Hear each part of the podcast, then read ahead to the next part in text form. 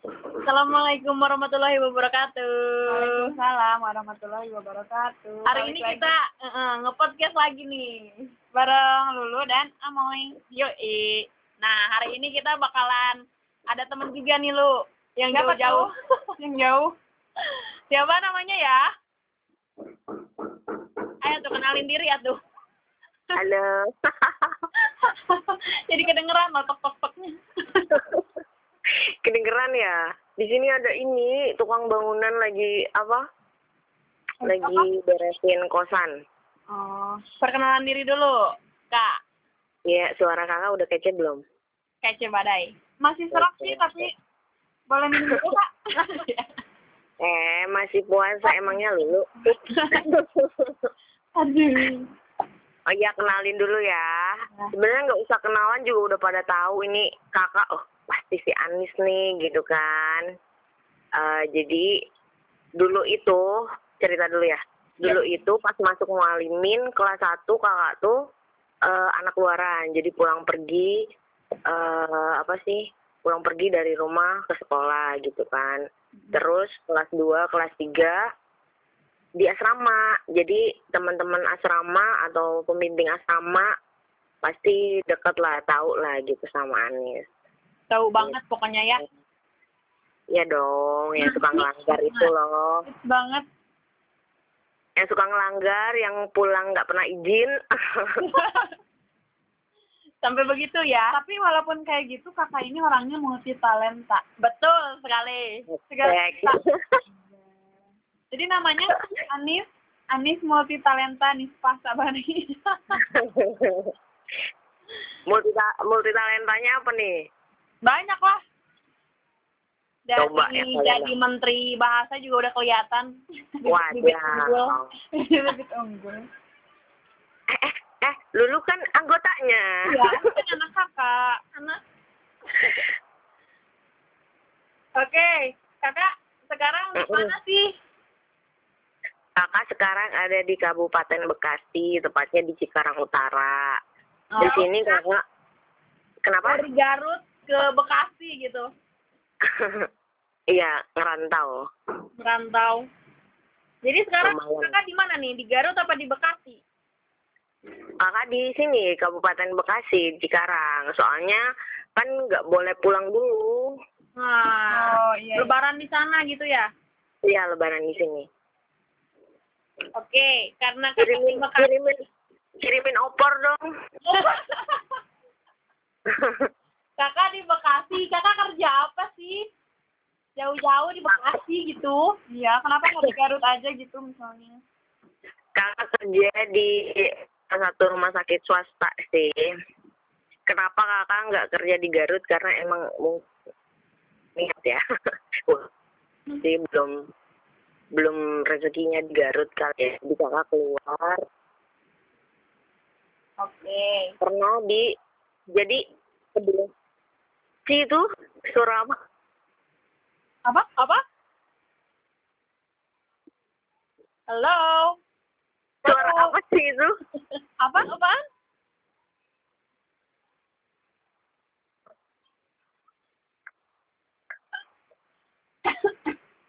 Halo kakak.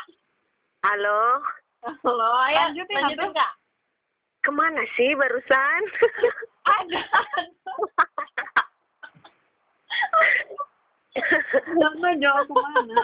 Jadi kayak ada suara kucing itu loh. Krek, krek, gitu. Eh, deh itu mah, Dak. Di kakak kayaknya itu mah. Enggak, ih. Kakak tukang bangunan doang. Mungkin tukang bangunannya punya kucing. Enggak, enggak. Tadi ambil mana ya? Eh, sampai kerja di Bekasi. Oh iya. Jadi kakak kerja di sini di salah satu rumah sakit swasta. Jadi sebe- sebelum ini tuh kakak kerja di RS eh, tipe C. Sekarang kakak kerja di RS tipe B. Jadi apa ya? Eh bukan nggak mau kerja di Garut sih. Cuma mungkin emang belum rezekinya di sana dan kakak harus ke sini gitu. Oh gitu. Eh, Di rumah sakit jadi apa kak? kakak tuh analis kesehatan atau kalau sekarang tuh disebutnya medical laboratorium eh salah. Ahli teknologi laboratorium medik. Itu kalau bah- bahasa Inggrisnya tuh dibalik-balik jadi pusing. Pokoknya ahli teknologi laboratorium medik. Jadi eh analis lah gitulah Ngapain paham aja kerjanya analis teh, Kak? jadi kan orang kadang suka kayak gini eh kamu tuh perawat ya? Farmasi ya? Bidan ya? Atau analis tuh yang ngeracik-racik obat ya? Bukan kalau yang ngeracik obat itu dia apoteker kan. Iya, iya. terus kalau yang ngebantu ngelahirin dia bidan kalau yang ngurusin pasien itu perawat. Nah kalau analis kita yang ngerjain sampel cairan tubuh manusia Contohnya? Kayak misalkan darah, urin, eh feses, putum, segala macam lah pokoknya gitu. Kakak pernah Termasuk pernah ini, pernah meriksa PSS orang spesies orang. pernah dari mulai bayi sampai kakek-kakek nenek-nenek juga diperiksa. Mantap sekali. Terus. Cairan-cairan yang apa yang berhubungan sama kesuburan juga Oh, pernah Oh. juga. Eh, sering sih. Rame nggak Yang- sih? Ciri-ciri yang subur gimana, Kak? Eh, Oh, nggak pengalaman usah. Usah disebutin kali ya. Pokoknya ciri-ciri yang subur tuh eh, banyak yang bergerak aja udah. beneran kelihatan bergeraknya. Kelihatan kan pakai mikroskop. Oh. Ya, Lincah-lincah. Lincah. Lagi Terus kakak, kakak pernah kaget loh, kakak pernah kaget. Enggak apa-apa gitu ngomong, apa sih ngomong beginian di podcast. Ini kan eh, apa ya pembelajaran untuk kita ya. Eh, jadi kakak tuh biasanya pengalaman kakak ya kalau misalkan periksa orang yang apa sih suami istri belum punya anak beberapa tahun itu tuh si nggak apa-apa ya sebutin sperma ya jadi si itunya tuh masih ada beberapa gitu loh. Terus kakak pernah nemu nggak ada satupun ketika cowok itu ejakulasi ya? Terus kakak periksa nggak ada satupun sperma yang hidup ataupun mati gitu. Loh jadi dia benar-benar mandul. Dia benar-benar mandul. Jadi yang ada tuh cuma leukosit macam-macam lah. Udah kita encerin udah kita apa namanya udah kita endapin juga si endapannya tuh nggak ada nggak ada sama sekali. Makanya kakak kaget loh ada juga ya yang kayak gini? Sebenarnya definisi apa sih definisi mandul itu? Bukan cuma bukan cuma spermanya yang nggak aktif atau banyak yang mati atau dia nggak kuat selama dua jam gitu ya bertahan selama dua jam. Tapi ya kayak gitu kakak juga baru pertama kali lihat pasien yang emang bener-bener nggak ada isinya Oh, jadi Yang air ya doang, kayak ah. gitu ya? kayak air doang makanya kesian sih sebenarnya Jadi sebenarnya cairan itu tuh campuran, bukan cuma itu aja. itu aja. Iya. Ah, gimana ya kayak kayak omong kosong gitu Kayak omong kosong sih kalau ngomong nggak ada isinya Mhm. gitu ah udahlah Ya, nggak ngerti ganti-ganti kerjaan. Tapi tapi masih ada yang penasaran. Gini, ini kan waktu kemarin tuh ada yang lagi lagi rame tuh, yang di kolam renang bisa hamil. Oh iya itu kak. Itu gimana sih menurut kakak gitu sebagai analis? gimana ya kolam renangnya itu dingin apa anget ya tahu kakak kalau misalkan eh apa sih? Memang sperma itu berenang ya ketika hubungan suami istri. Jadi Ya. masuk ke ovarium itu kan berenang. Cuman maksudnya bukan bukan berenang di kolam halal gitu Emangnya dia apaan? Dia atlet apa gimana? Enggak sih menurut kakak itu Berbakat sejak dini itu. mungkin gini ya, mungkin gini ketika ketika anak ini apa sih eh apa ya pergaulan bebas, terus dia main Berenang. main ke kolam renang gitu sama temen-temennya ya kan ya sama aja dia dibuahinnya di mana Iya, iya, iya. Oke. Jadi nggak ada tuh ya yang bisa hamil gara-gara renang gitu ya, Kak ya? menurut kakak sih enggak Iya. aku pun setuju ya. Padahal aku nggak tahu juga. Iya karena seingat aku waktu itu pernah belajar deh kak. Jadi eh, sperma itu cuma bisa hidup di suhu hangat. Iya nggak? Heeh. Tapi gue juga eh, misalkan ya kan kita kalau periksa tuh kenapa harus di eh kenapa kita siapin kamar sendiri? Jadi kalau ada pemeriksaan itu tuh kita punya kamar sendiri kamar, kamar kayak hotel gitu. Kita siapin.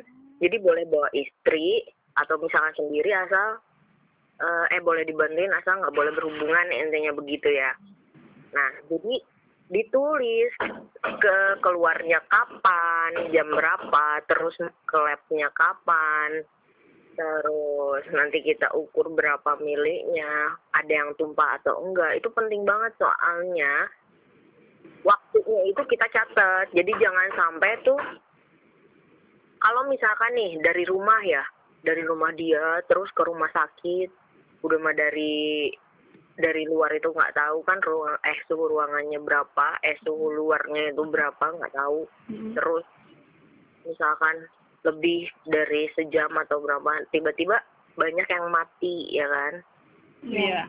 itu bukan bukan kesalahan dia sebenarnya kesalahan ketika kelamaan di jalan. Oh. jadi sperma itu kalau lama-lama juga banyak yang mati banyak yang nggak aktif Karena nggak kuat lama ya. Ya. Mm-mm. Kalau kalau perempuan diceknya kayak gimana kak? Kalau perempuan sih itu bukan bukan sama analis ya, dia langsung konsulnya ke dokter kandungan sih. Oh. Sebenarnya pemeriksaan kayak gitu cuma buat yang udah nikah aja Atau atau, kita yang bisa. Misalkan bisa juga gitu. kita bisa juga. Sebenarnya sih udah udah nikah ya harusnya ya. soalnya kalau belum, soalnya kalau belum nikah Ngapain gitu? ngapain gitu loh. Kayaknya kita harus nikah dulu deh buat bisa periksa. Jadi jadi kakak kapan nikah kak? Duh kan pertanyaannya. Masih nyambung soalnya. kalau ditanya kapan nikah, nggak tahu. Oke, sama Belum siapa tahu. nih? Sama siapa nih? Sama siapa? Belum tahu juga. Katanya sih denger-denger nih, denger-dengar. Heeh. Katanya kakak lagi patah hati. Bukan denger-denger kayaknya lihat story deh. Lihat-lihat berarti ya. Lihat bukan dengar-dengar. Eh, patah hati bukan patah hati sih kecewa doang asik. Lagi kecewa sama orang yang yang apa yang disayangin kakak. Iya. Eh, enggak, enggak juga. Kenapa? Kenapa enggak juga? Ah, eh, eh, eh, oh, enggak tahu ah. Dulu Nah, skip aja gitu ya. Skip aja. Ganti ganti. Jadi kakak bakalan lama banget nih di Bekasinya. Ya nggak tahu, cuman kalau sekarang emang pikirannya udah ya udah jalannya aja dulu di sini gitu. Nih lagi lagi masa-masa kayak gini. Apa sih pandemi? Masa pandemi Mm-mm. COVID-19. Kakak juga ikut andil. Ya kak. Jelas dong. Wih. Ya. Ya, jadi kayak misalkan kamu pernah denger nggak soal pemeriksaan COVID, rapid test atau swab test? Pernah denger nggak? Pernah. Pernah pernah. Anies Baswedan Nah, ini tuh kak. Itu, itu, eh itu itu itu yang ngelakuin atau yang meriksa itu kita analis. Jadi perawat itu dia apa namanya ya? Dia merawat, dia yang ngasih obat, dia yang segala macam. Pokoknya dia yang di ruangan, dia yang tanggung jawab di ruangan gitu. Dokter perawat. Nah kalau analis kita yang misalkan ada pengambilan darah yang perawat susah atau misalkan emang apa sih udah udah bengkak banget gitu ya si pasiennya. Nah kita yang ambilin waktu itu. Nah kalau sekarang SPO di rumah sakit kita tuh udah beda. Jadi si analis itu pokoknya ada ada pemeriksaan lab apa pun kita yang ngambil. Gitu. Jadi perawat Jadi- enggak lagi gitu ya? enggak lagi. Jadi dia cuma infus ngasih obat kayak gitu. Ngerawat lah. Berarti cuman kakak, mungkin perawat itu lebih lama stay sama mereka dibanding Ya. kita. Berarti kakak eh, mengalami langsung ya? Pasien-pasien gitu. Heeh. ya pasien-pasien sekarang lagi corona gitu kan berarti kakak langsung menghadapi orang-orangnya Iya, jadi kayak misalkan kalau misalkan perawat itu kan bisa aja ketika ketemu pasien, pasiennya pakai masker ya kan. ya Nah kalau kita, kita misalkan swab di eh, orofaring atau nasofaring. Jadi nasofaring itu apa ya?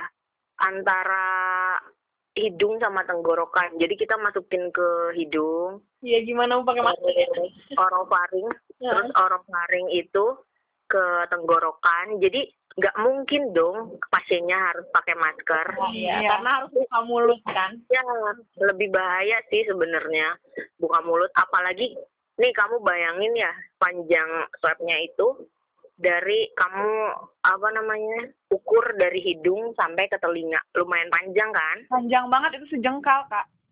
Uh-uh, sebenarnya sih harusnya nggak sakit, tapi kenyataan di lapangan ketika kita masukin kan shock gitu ya eh, si pasien itu. Lah dimasukin benda. Uh-uh, langsung huh gitu.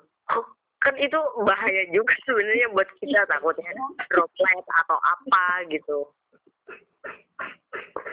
Jadi Nah, eh, jadi buat yang buat yang belum tahu kerjaan analis itu apa, ya kayak begini sebenarnya sama-sama dangerous juga sih. iyalah ya orang langsung kontak gitu sama pasien-pasien Mm-mm. Terus Kak, malah yang malah yang menentukan maksudnya eh, positif negatif itu kan dari Anak dari dia. swab itu Heeh.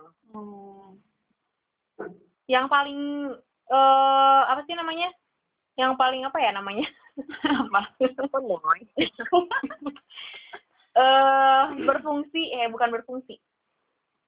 Kayak akurat. rapid test apa swab test? Oh, yang paling manjur. Akurat. ya yang paling manjur. apa ya namanya? Bisa dipercaya hasilnya gitu. manjur kayak apa aja. yang paling pasti yang paling pasti ya benar. Ya yang paling akurat ya. Ya, yang paling akurat. Kenapa sih? Nggak ngomong. Gitu? apa sih? Ngomong dari tadi keles. Nih pokoknya ya. Jadi tuh yang paling jadi gini nih. Kalau rapid rapid itu eh, ada tiga apa ya namanya? Bukan parameter sih. Jadi kontrol IgG IgM jadi ketika tiga tiganya ada garis dia positif. Atau enggak eh, dua garis dia positif juga. Di IgG atau di IgM dia positif juga kecuali satu kontrol. Cuman dulu pernah denger nggak SARS-CoV-2 jadi si SARS-CoV-2 ini eh dia anggota dari coronavirus lah. Cuman yang zaman dulu itu loh. Tapi nggak Tahu. se-booming ini nggak se-booming ini Enggak. Nah, sebenarnya ketika ketika orang yang baru terpapar dan belum inkubasi dalam tubuh, ketika di rapid test terus negatif, belum tentu dia nggak kena coronavirus. oke Oh, Jadi bisa jadi bisa eh, positif palsu, eh positif palsu, Negatif palsu. palsu, Ah, kan negatif palsu. Padahal kan sebenarnya mungkin dia positif gitu. hmm. tapi eh kalau misalkan swab test kalau swab test kan dia udah pakai media terus dia pakai alat juga. Itu lebih akurat sih. Soalnya walaupun masih baru terpapar misalkan beberapa hari itu juga dia udah udah ketahuan. Jadi mending pakai swab test ya? Ah ah, swab test dan sekarang Cuman test itu pakai nggak nggak nggak dipakai sama semua orang kalau di Indonesia ya Mm-mm. cuma cuma kayak PDP PDP doang. tapi harusnya Sama. gimana nih Kenapa? harusnya gimana kita pasti pakai rapid test atau mendingan swab test aja deh semua gitu kalau menurut analis nih Kalau menurut kakak sih kan sebenarnya swab test ini sebenarnya sih di rumah sakit kakak ya ada alat eh, PCR ini loh ada alatnya cuman kayak kita labnya tuh masih masa iya nyatu sama TCM yang buat tes dahak ya terus eh masa iya kita apa namanya ya nggak sesuai standar lah Mm. untuk mengerjakan itu. Jadi walaupun kita punya alat belum belum ada wewenang lah buat ngetes sendiri. Jadi kita rujuk ke Litbangkes. Nah, eh, apa namanya ya? Kamu ngomong apa sih anjir? ayo lo apa lo kita nggak bisa bantuin karena nggak tahu karena kita Oh iya, jadi di rumah sakit itu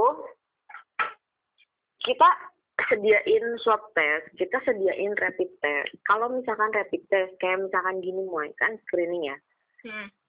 eh kayak kemarin sih ada kejadian ya yang operasi. Jadi ketika rapid test itu, wah ini rahasia sebenarnya. Oh. Cuman kan kan kita nggak nyebut rumah sakitnya. ya nggak jemput juga Ah, jadi ketika rapid test screening mau apa mau operasi itu dia negatif kan. Hmm. Mm-mm. Nah, ketika beberapa hari lagi dia swab test. Nah, swab test ini kita nggak bisa langsung nerima hasil karena kan di sana juga rujukan dari beberapa, jadi kita harus nunggu gitu loh. Oh. Nah, ketika ada hasil ini ternyata positif dan gimana shocknya orang-orang yang terlibat sama pasien itu gitu loh. Dan tadinya juga dia kan nggak diisolasi, jadi eh, si paru-parunya juga nggak menjurus ke pneumonia dia tuh. Jadi pokoknya kalau misalkan kita mikirnya gejalanya kayak demam, segala macam, banyak loh OTG orang tanpa gejala. Hmm. Kayak misalkan kemarin ada keluarga satu keluarga ya yang mau rapid test, oke gitu kan. Eh, lima orang tuh satu keluarga. Pas dicek semuanya positif. Tapi dia nggak ngaku kalau kalau dia tuh abis dari luar atau misalkan mudik. Tapi curiganya mudik. Sekeluarga kayak gitu. Nggak mungkin kan kalau misalkan kerja keluar kota terus satu satu keluarga ya paling Iya. paling bapaknya doang ya kan? Ah. paling bapaknya doang atau siapa nggak mungkin. Nggak mungkin sekeluarga. Kayaknya ini dari eh, emang KTP-nya KTP luar kota sih KTP luar kota. Kakak nggak ngerti ini PSBB ini eh, berjalan apa enggak ya? Kenapa masih ada yang begitu? Iya. Masih ada yang pokoknya ketika mereka ketika mereka rapid test udah positif semuanya. Makanya kemarin ketika dia minta hasil kita nggak dulu keluarin karena rumah sakit kakak kan termasuk rumah sakit rujukan ya.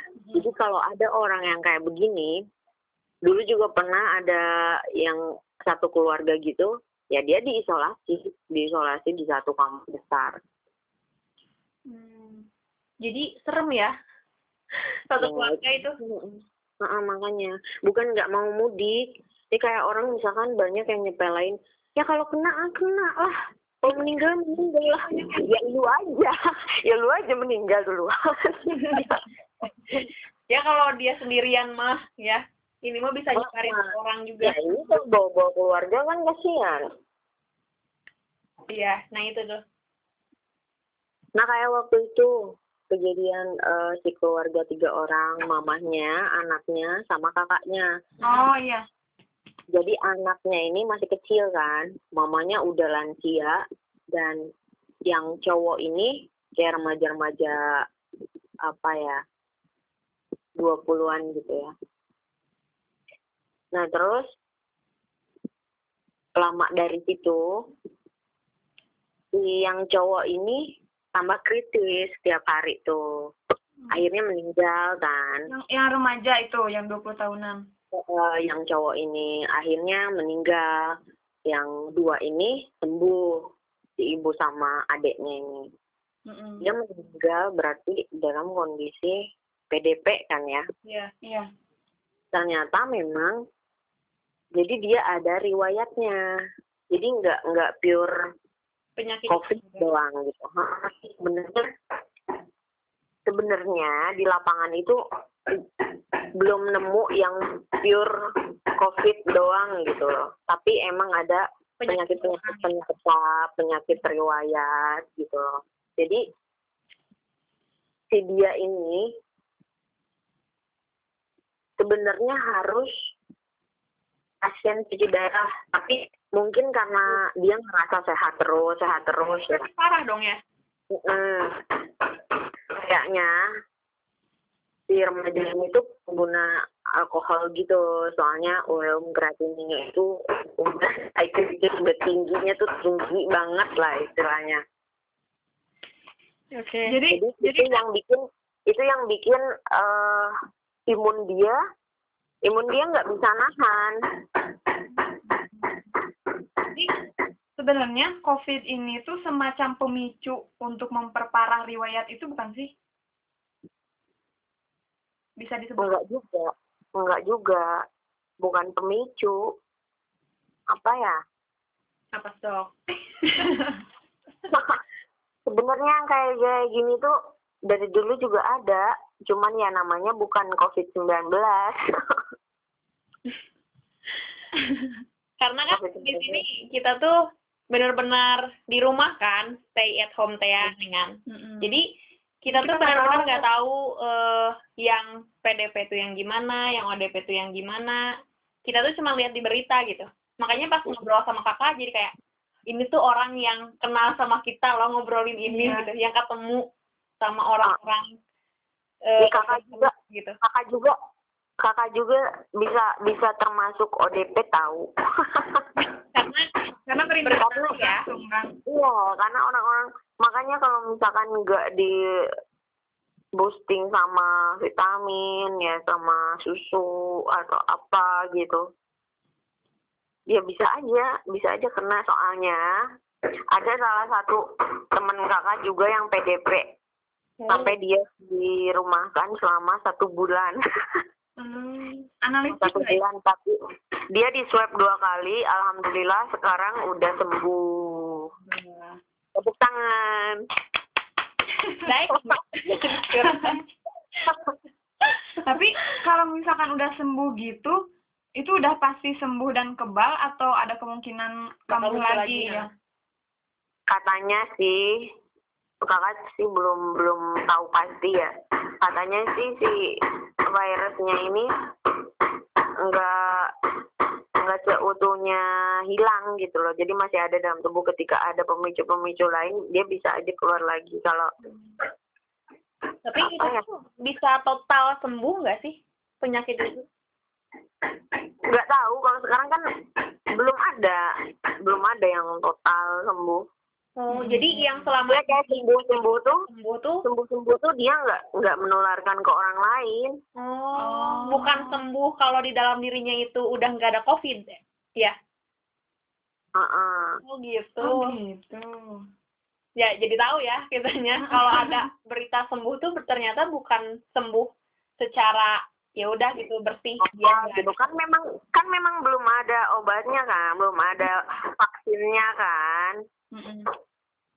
Tapi nanti kalau misalnya yang dinyatakan sembuh ini dia bisa keluar ke mana aja gitu ketemu orang atau ya gimana? dia juga dia juga harus apa namanya harus karantina harus karantina di rumah nggak boleh keliling-keliling dulu Oh. lah yang yang sehat aja harus di rumah masa yang baru sembuh harus keluar Iya keluar iya iya enak banget ya. Hmm, jalan-jalan.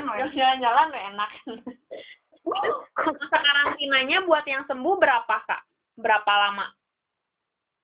biasanya sih dua minggu juga kalau yang kakak baca ya dua minggu juga di rumahnya maksudnya jangan dulu kebanyakan kontak sama keluarganya gitu tapi kalau abis dari itu ya normal lagi sih. Cuman jangan keluar keluar dulu. Hmm. jadi emang rada ganas ya. Kita nggak bisa nyepelin ya, di sini juga di sini juga ada loh. Di sini juga ada karyawan yang nggak kontak sama uh, pasien yang nggak kontak langsung lah. Iya. Berarti tapi dia dua orang positif. Kok bisa berarti bisa? dia berarti dia bukan dari pasien dong iya kemungkinan dia dapat dari luar. Kayak misalkan oh sih. Kayak misalkan hati-hati ya kalau naik oh, angkot ingat. atau naik ojek gitu. Pokoknya hati-hati aja. Kita tuh nggak tahu. Jadi si dua orang ini dia suka ke mana-mana. Ke mana-mana bareng. Kayak misalkan lulu amo jangan dong jangan dong. Misalkan si A si B ya. Si A si B. Salah satu dia kena nih si A. Mm-mm. Nyebarin B. dong ke si B nah waktu itu dia ke IGD kan dia ke IGD dua-duanya sakit di infus cuman yang satu sakitnya agak parah yang satu lagi enggak yang satu dikasih libur sama dokter dua minggu yang satu satu minggu nah Hmm. ketika dua minggu dua-duanya udah masuk kerja rapid test dong sama kakak Mm-mm. dan hasilnya positif. Positifnya tuh tebel banget. Jadi banyak loh kakak tuh ngetes orang-orang yang ngetes orang-orang yang nggak diduga covid ternyata covid tanpa APD lengkap. Eh, ya Allah. Itu perasaannya gimana gitu kak? Wah pengen nangis coy. Tapi cuman kalau menurut kakak sih masih protek ya. Kayak ka- di sepatu kan kita pakai kaos kaki terus kita pakai handscoon pokoknya nggak ada yang kelihatan terus kita pakai face shield gitu kan pakai jas lab juga. Sebenarnya itu udah udah proteksi ya dari situ dari situ langsung mandi. Harus langsung langsung mandi di situ juga di lab juga langsung mandi karena ih takut banget ya sih? Takut banget. Tapi Takut itu orangnya buat eh, pegawai-pegawai di situ kayak analis atau perawat itu ada tes rutin nggak sih kak? Ada. Jadi kayak kemarin tuh masal ya. Mm-mm. cuman ya masalnya nggak nggak abrek semua gitu kan. Yang ngetesnya kan analis jadi di aula kita kumpulin eh, perawat mana perawat mana perawat mana. Jadi dua hari ke depan misalkan perawat yang ini perawat-perawat inap yang ini terus minggu depan lagi yang ini yang ini. Kan kalau sekarang kita ada gladiol ya. Gladiol itu jadi tempat yang eh, khusus buat covid Hmm. tempat khusus buat covid. Nah itu juga mereka dicek secara berkala lah si perawat-perawatnya itu. Agak serem ya mengerikan ya. Karena kalau kita di rumah mah ya udah biasa aja karena nggak tahu juga kan kumaha gitu. Hmm. di luaran sana. Ternyata kakak mau menghadapi langsung dan segininya ternyata. Heeh. ada juga mau ini ya yang yang apa kakak nggak habis pikir orang-orang yang bilang apa sih Iya menyepelekan banget lah. Kalian boleh nggak takut, tapi jangan terlalu menyepelekan. Mm-mm. Itu sok asa, ih apaan sih? Kesel banget gitu loh. Nih ada salah satu pasien waktu itu, jadi dia hari ini di dia tuh pasien TB paru ya, TB paru yang perokok aktif waktu dulunya Mm-mm. dia dia punya riwayat tuberkulosis terus dia dicek karena misalkan demam segala macam dia kena lah bronkopneumonia bronkopneumonia itu masih infeksi di cabang-cabang tenggorokan ke paru-paru gitu masih di cabang-cabangnya. Mm-mm. nah sehari kemudian langsung kritis langsung ke pneumonia. Coba pneumonia itu udah langsung ke paru-paru. Iya. Jadi eh apa ya setiap orang itu beda. Setiap orang itu beda dan ada loh yang kayak gini gitu loh. Ada loh yang langsung sehari kritis. Makanya jangan menyepelekan gitu loh. Sampai-sampai kamu tahu nggak pintu buat masuk ke pasien itu? Satu pintu. Eh jawab dulu dong tahu nggak? Tahu tahu tahu. enggak gitu loh Oh enggak. nah enggak. satu pintu kan buat buat Tahu masuk ya. Ibu. Kenapa? pintu buat satu pintu buat masuk kan eh apa namanya kayak lorong kayak gitu terus yang kedua pintu kita ketemu eh perawat ya kan pintu ketiga itu pintu buat APD dan tempat steril segala macam. Pintu keempat baru kita ke ruangan eh yang PDP itu. Dan maksudnya ke ruangan besarnya. Ya. dan setiap kamar kita masuk dua pintu lagi. Berarti hitung ada berapa? Satu dua tiga empat lima enam.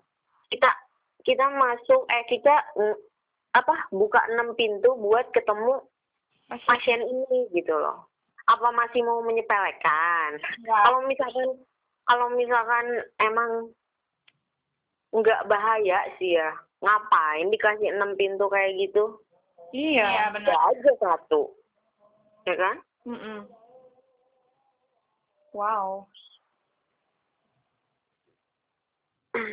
Setelah kakak eh, berinteraksi dengan pasien-pasien itu, pesan apa yang pengen kakak sampaikan ke kita-kita aja nih yang di rumah atau yang pengen banget main sebenarnya mah ini teh. Pengen Tapi gimana gitu, pengen banget bukber gitu.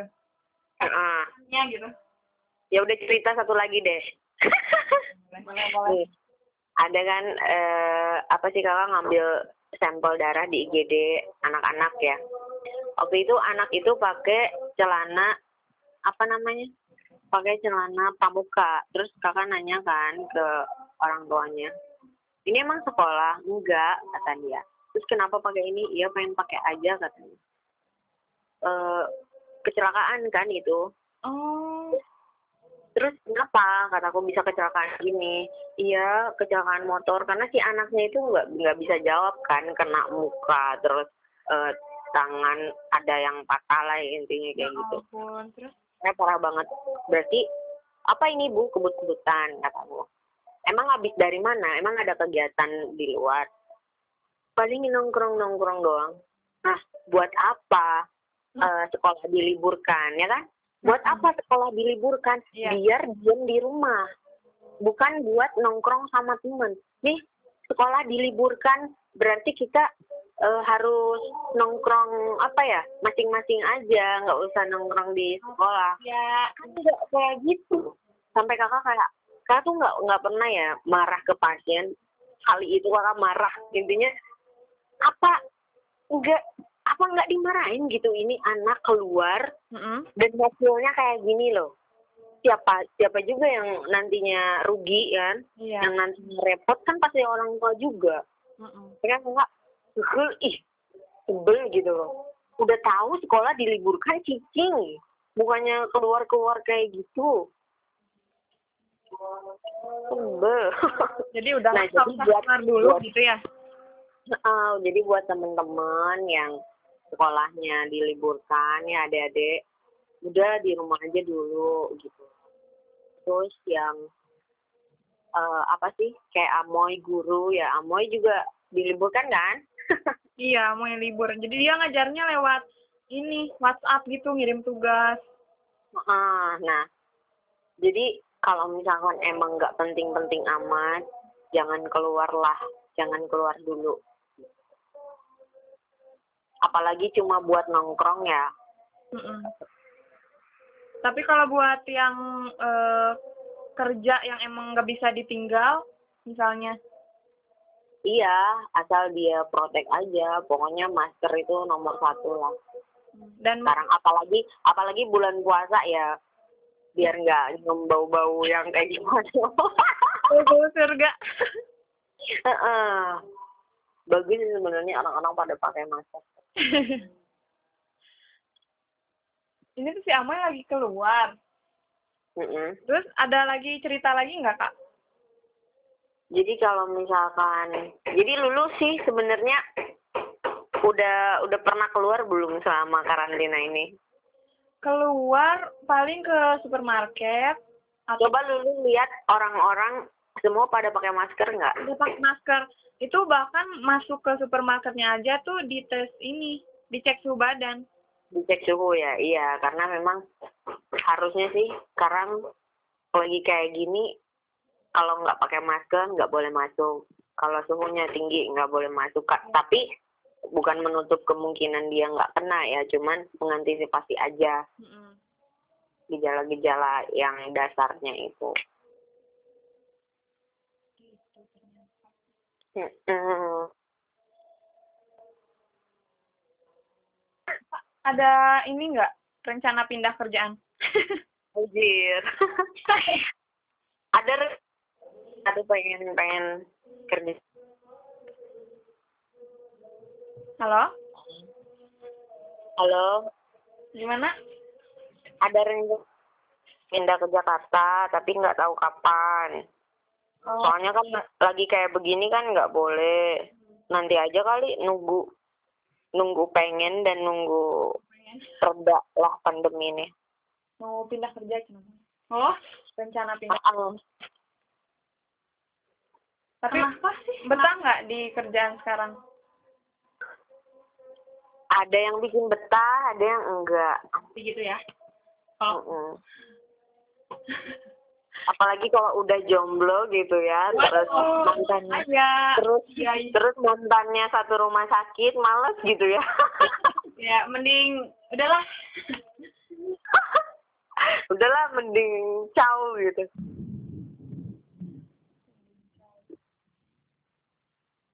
kalian gak akan ini apa sih namanya rekomendasi gitu Apa? Rekomendasi apa? calon imam Oh, eh eh, mohon maaf kita lagi nyari nih. Iya, bisa maaf. bercanda anjir Tapi ada nggak sih di angkatan gitu yang bikin kakak berbinar-binar gitu? Em, kira-kira ada nggak ya Ada lah, saya tahu. siapa Masa disebut? siapa ada sih Ada. Oke, kita lanjut deh nanti di sesi yang kedua ya. Kita Ah, ngobrolin teman Siapa tuh? angkatan yang berbinar-binar itu. Oke? Oke. Berarti sih sekarang kita sampai di sini aja. Makasih buat teman-teman yang udah dengerin. Semoga ada manfaatnya lah ya dikit ya. Amin, mudah-mudahan aja karena ini adalah pengetahuan baru juga buat kita ya tentang COVID dan analisis eh analisis kesehatan, analisis kesehatan gitu. Oke, terima kasih Kakak udah mau Dadah. berbagi sama kita-kita. Mm-mm. Sama-sama. Oke, dadah. Dadah. Assalamualaikum. Wabarakatuh. Waalaikumsalam.